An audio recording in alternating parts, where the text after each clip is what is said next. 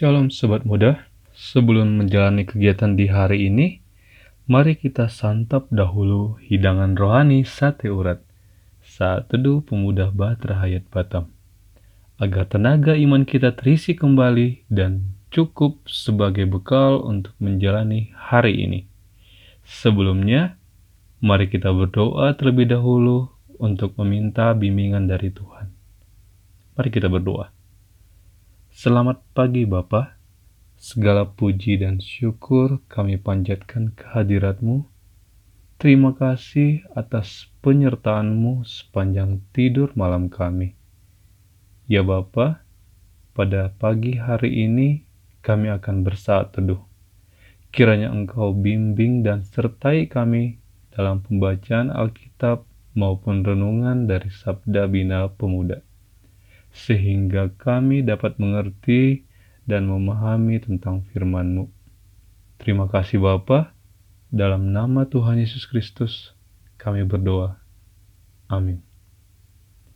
Sobat muda, mari kita buka kitab kita dari Imamat 24 ayat yang pertama hingga ayat yang keempat. Mari kita baca bersama-sama.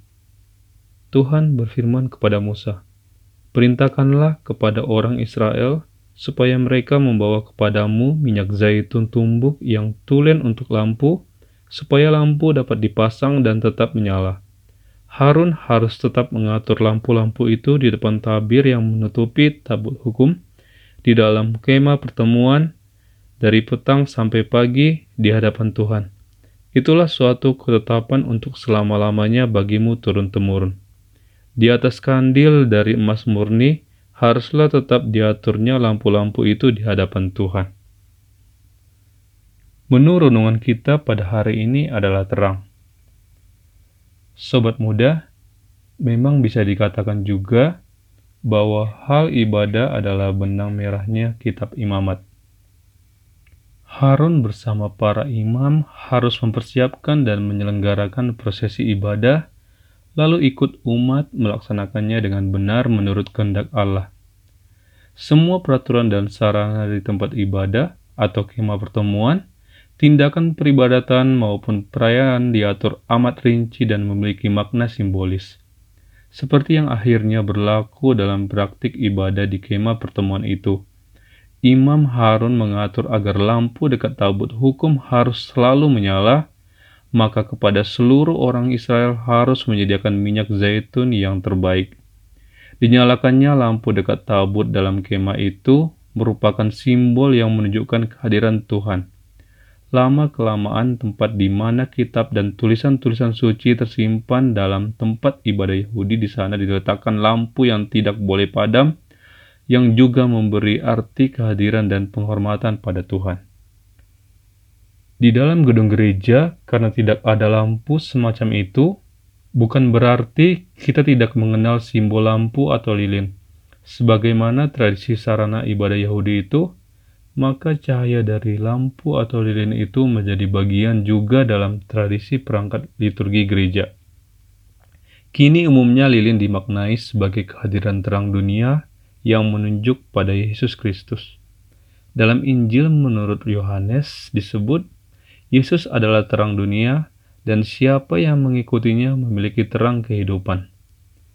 Gereja adalah persekutuan dalam terang Kristus, yang melaluinya dunia dituntun dapat menemukan sang terang.